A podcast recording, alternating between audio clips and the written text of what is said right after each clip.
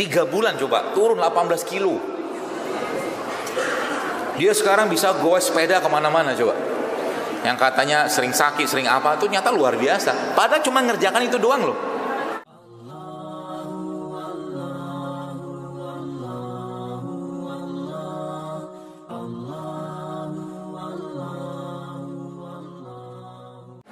Ya, coba dalam seminggu nih, coba saya mau tantang Anda. Anda berani menerima tantangan saya nggak? Saya tanya dulu, berani menerima tantangan ini? Belum belum kuat suaranya. Berani nggak menerima tantangan saya ini? Allah saksinya ya. Baik, Anda sudah jawab berani ya. Dalam seminggu ke depan, dalam seminggu ke depan, dalam seminggu depan, dalam tujuh hari ke depan, ini yang harus Anda kerjakan. Apa itu? Tidak ada nasi putih. Berat dok, berat, berat, berat. berat. Katanya siap. Siap nggak? Oke, lihat nanti laporin sama saya. Tidak ada nasi putih yang pertama. Yang kedua, tidak ada gula pasir yang masuk ke badan. Ini saya ngajarin resep sederhana, cara sederhana, tapi kalau anda kerjakan, tubuh anda akan teriset sendirinya. Believe me, percaya saya. Karena sudah banyak dikerjakan oleh banyak-banyak orang dan di, mereka memang mendapatkan ini semua. Yang pertama tadi nasi putih yang nggak ada, yang kedua nggak ada gula pasir, yang ketiga nggak ada tepung, tepung dan segala produknya. Yang keempat tidak ada minyak.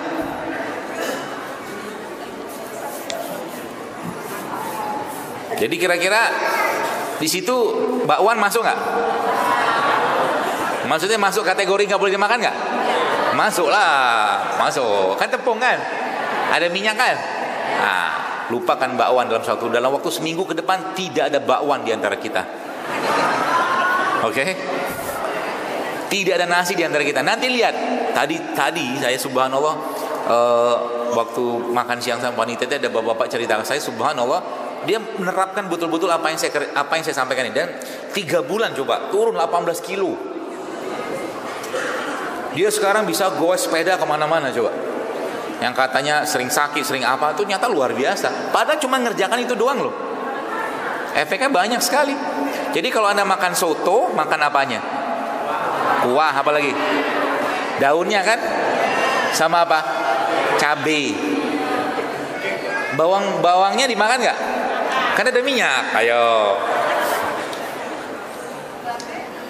Dok kenapa ini begitu berat?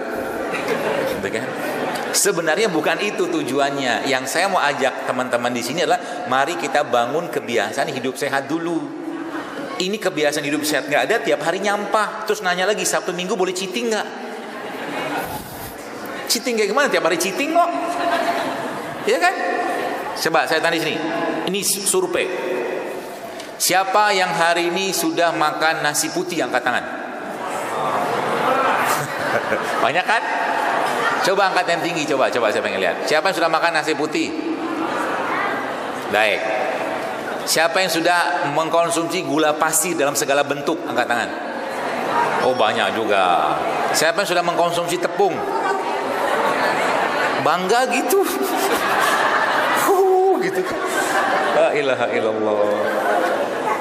nah sekarang saya tanya siapa yang hari ini sudah minum air 2 liter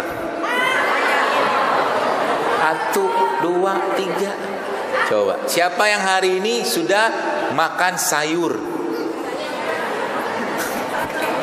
Kelihatan kan status kesehatannya kan? Siapa yang hari ini sudah makan buah? Ya lebih banyak yang tidak sehat.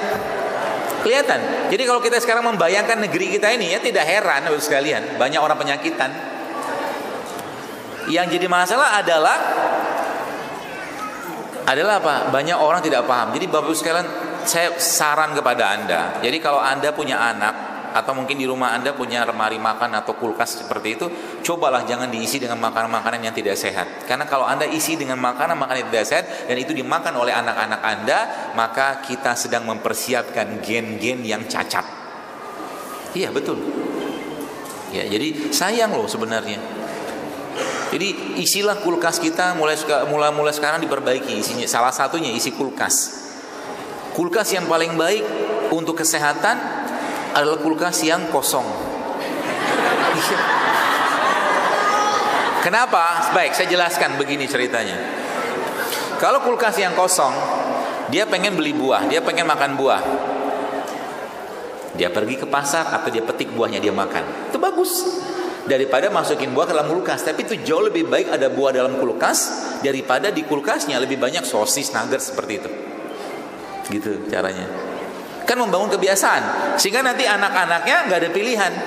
Ketika pengen makan, pengen apa, dia buka kulkas ada buah, dia makan buah. Dan orang tuanya mencontohkan. Gitu. Semudah itu sebenarnya. Ya. Itu salah satu tipsnya. Apalagi mungkin salah satu caranya adalah isilah kulkasnya dengan pare. Penuhin pare. Jadi ketika malam hari ada keinginan untuk makan, buka kulkas, batal makannya. Tidur lagi dia akan sehat itu. Jangan ciptakan peluang-peluang untuk hidup tidak sehat. Ya. Jadi 80%. Jadi nanti seminggu ke depan coba bagus saya kerjakan apa yang saya sampaikan tadi. Itu yang, itu beberapa tadi Anda stop dulu, stop. Benar-benar stop deh, tenang aja. Dan tidak akan mati insya Allah. Nanti kalau nggak makan nasi gimana? Hidup tetap hidup. Nanti kalau nggak makan daging gimana? Gajah nggak makan daging, badannya gede. Dokter ngajarin vegetarian? Enggak, Rasulullah makan daging. Ya, tapi maksud saya itu kita sedang mengcreate dulu, ya, mengcreate atau menciptakan kebiasaan hidup sehat. Oke. Okay? Jadi beberapa yang apa yang saya sampaikan tadi itu di stop dulu, ya. Selama berapa hari? Tujuh hari dulu lah. Ada tambahan lagi nggak? Ada. Tambahan lainnya apa? Anda mengurangi atau nyetop atau menyetop dulu lah ya makanan-makanan olahan dalam kemasan ya di stop dulu loh jadi yang anda makan tiap hari itu semuanya fresh itu itu cara paling mudah untuk memperbaiki badan dan menyehatkan badan kita kemudian tadi salah satunya benerin uh, sarapannya sarapan paling baik apa roti Sekian lama makan roti, tidak juga lancar bahasa Inggrisnya. Sekian lama makan pizza, nggak juga lancar bahasa Italinya. Gitu-gitu aja. Makanan kita tuh, ya, coba lihat orang tua kita jam dulu kalau sarapan paginya apa? Singkong. Singkongnya dikukus kan? Dimakan pakai apa? Sambel. Sambel tuh enzimnya.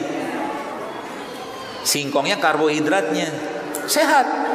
Singkongnya diapain? Dikukus, direbus, digoreng nggak? Nah, itu udah pinter. Ya, kembali ke zaman dulu. Kalau singkong, habis itu dia butuh yang manis, dia makan pisang. Pisangnya diapain? Rebus. Makanya orang ruang tua kita zaman dulu tuh bertahan. Ya, bertahan maksudnya jarang sakit-sakitan kan? Meskipun mereka edisi Pentium-Pentium lama gitu kan, Pentium 1, Pentium 2 gitu. Tapi bertahan. Bapak saya umur 82 Bapak saya Insya Allah Moga Allah jaga beliau Umurnya 82 tahun ya. Makan tuh sangat-sangat milih Sangat milih Dia punya kakak eh, Dia punya adik dua Abah, abah saya itu Dan adiknya ini Wajahnya lebih tua dari dia Dan saya baru tahu rahasia kenapa Karena abah saya itu Bapak saya itu orangnya easy going banget. Sukanya senyum. Ajak candaan gitu suka banget ya dan makannya nggak aneh-aneh. Ya nggak aneh-aneh kayak dia nggak kenal pizza dia nggak kenal sosis nggak kenal nugget nggak makan gitu-gituan tuh. Dia makan ikan ikan yang mau milih ikan sungai. Lebih sehat gitu kan seperti itu. Jadi kita melihat belajar dari mereka sekalian. Itu itu salah satu tipsnya. Atau juga kita tehnya minuman juga jadi pagi-pagi itu jangan jangan lagi banyak makan pagi-pagi jangan lagi banyak makan Ya, minuman diganti dengan apa?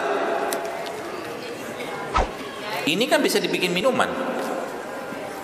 Anda potong-potong-potong-potong, kasih jahe sedikit, kasih air panas, minum jadi minuman sehat. Murah nggak? Murah. Ya. Atau ini juga bisa dijadikan minuman pagi. Anda rutinkan minum kayak begini maka tulang Anda akan kuat. Anda minum kayak begini maka tubuh kita akan dibersihkan sama dia. Banyak manfaatnya. Atau Ini juga Anda bisa bikin kunyit. Ya.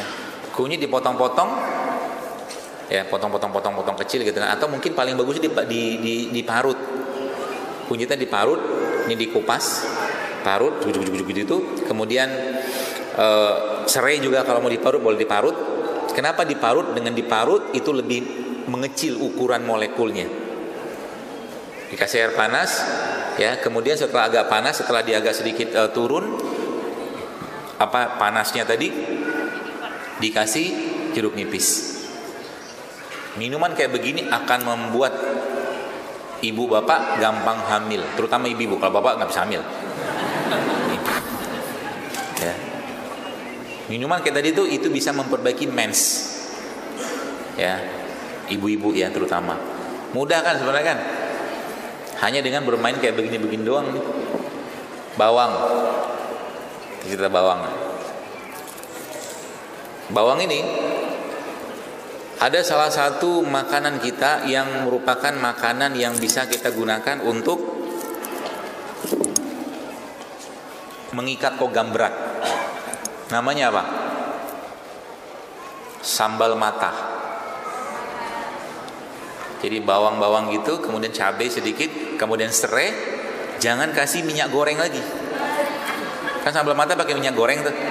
Kasihnya minyak, boleh pakai minyak uh, minyak kelapa boleh, atau zaitun lebih baik. Ya, seperti itu. Itu udah makan. Mungkin begitu cukup dan paling akhir semoga Allah kumpulkan kita lagi nanti di surganya, surga Firdaus tanpa hisap. Kita tutup aja dengan doa kepada Allah Subhanakallah bihamdik asyhadu an la ilaha illa anta astaghfiruka wa atubu. Assalamualaikum warahmatullahi wabarakatuh.